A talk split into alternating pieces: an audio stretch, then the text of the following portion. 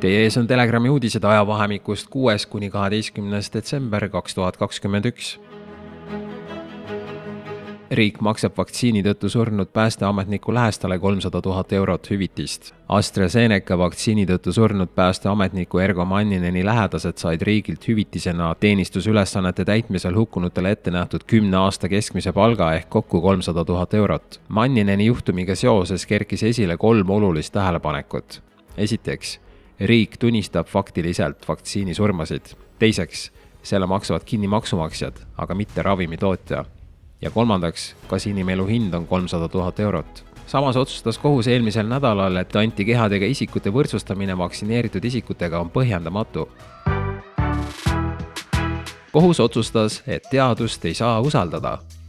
Tallinna Ringkonnakohus otsustas teisel detsembril, et antikehadega isikute võrdsustamine vaktsineeritud isikutega on põhjendamatu ning koroonaviiruse antikehadega inimestele ajutist erandit piirangute kohta ei tehta see on aga huvitav lähenemine, kuna teaduslikult on koroonaviiruse läbi põdenutel enamasti antikehad ja mitmed uuringud toovad välja, et nende immuunsus on tugevam ja kehtib kauem kui neil, kes on vaktsineeritud.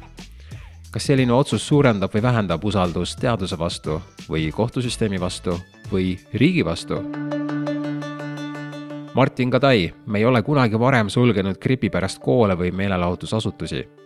me peame aru saama, et Covid passi nõue on ju piirang, see on piirang kui me paneme piirangu sellel eesmärgil, et kellegi meelsust või käitumist muuta, siis on see natukene küsitav tegevus olukorras, kus meil on selgelt vaktsineerimine vabatahtlik, ütles intervjuus ERR-ile endine Terviseameti erakorralise meditsiini osakonna juht ja praegu õiguskantsleri nõunikuna töötav Martin Kadai ta leiab, et piirangud on ju ainult põhjendatud siis, kui meil on olemas kriisitingimused. ehk et me oleme juba selles olukorras, kus nakkuse levik põhjustab otseselt haiglate toimepidevuse häiret või on oht selle tekkimiseks. me ei ole kunagi varem pannud gripi pärast koole või meelelahutusasutusi kinni, tuletab Kadai meelde niinimetatud vana normaalsust vastuolulise sõnumi annab ka Euroopa Komisjoni juhi von der Leyeni kihk kehtestada sundvaktsineerimine, samas kui tema abikaasa arendab vaktsiine huvide konflikt.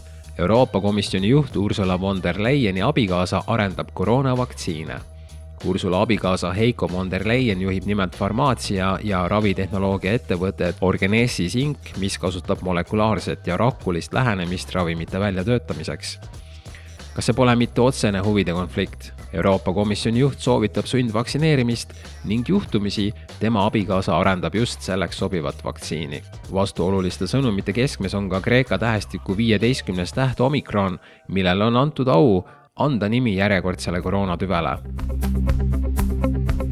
BioNTechi tegevjuhi sõnul on omikroniga võitlemiseks vaja kuut süsti samal ajal kui BioNTechi tegevjuht ütleb, et uue tüvega võitlemiseks tuleb vaktsiini manustada veel kolmes annuses peale esmaseid vaktsiine ja kordussüste, teatas Norra viroloogide uurimisgrupp, et uus tüvi võib olla koroonarünnaku lõpu algus. jõulud tulgu koroonapaanikata, Norra teadlane, omikroni tüvi võib olla koroonaviiruse lõpu algus Oslo ülikooli teadlased arvavad, et leebemat haigust põhjustav viiruse variant võib olla väljapääs pandeemiast. Kuigi käib hoogsalt uue tüvega hirmutamine, rahvas enam koroonat ei karda. Viinis jätkuvad massilised meeleavaldused sundvaktsineerimise vastu. võimsad videod, meeleavaldus Viinis. nelikümmend neli tuhat osalejat, neli arreteerimist, vähe maske juba neljandat laupäeva järjest marssisid Viini tänavatel inimesed, kes avaldasid meelt esimesest veebruarist kaks tuhat kakskümmend kaks kehtima hakkava kohustusliku vaktsineerimise ja teiste koroonameetmete vastu. üheteistkümnenda detsembri protestil osales hinnanguliselt nelikümmend neli tuhat inimest. massiivne meeleavaldus toimus ka Bregenzis, kus osales üle kolmekümne tuhande inimese paratamatult tekib aga küsimus, milliseid võtteid hakatakse kasutama, kui koroonapandeemia lõplikult failib. doktor Merkola kas järgmisena lekivad mõnest biolaborist rõuged? viimastel nädalatel on uudistes vihjatud rõugetega seotud bioterrorismi võimalusele. neljandal novembril hoiatas Bill Gates rõugete terrorirünnaku võimaluse eest tulevaste pandeemiate koosolekul Policy Exchange kolmandal novembril vaatas CDC immuniseerimispraktika nõuandev komitee ACIP läbi kaks ettekannet, mis keskendusid uusimale nõrgestatud elusale rõugevaktsiinile Jinneos olukorda analüüsib doktor Merkola. Telegram aga toob välja, et võimalik uus laborileke saab olema ilmselge ja järjekordne pettus, nagu ka kõik eelnevad pandeemiad ja lekked. kogu asi on algusest lõpuni mull, sest viirus tekib rakusiseselt.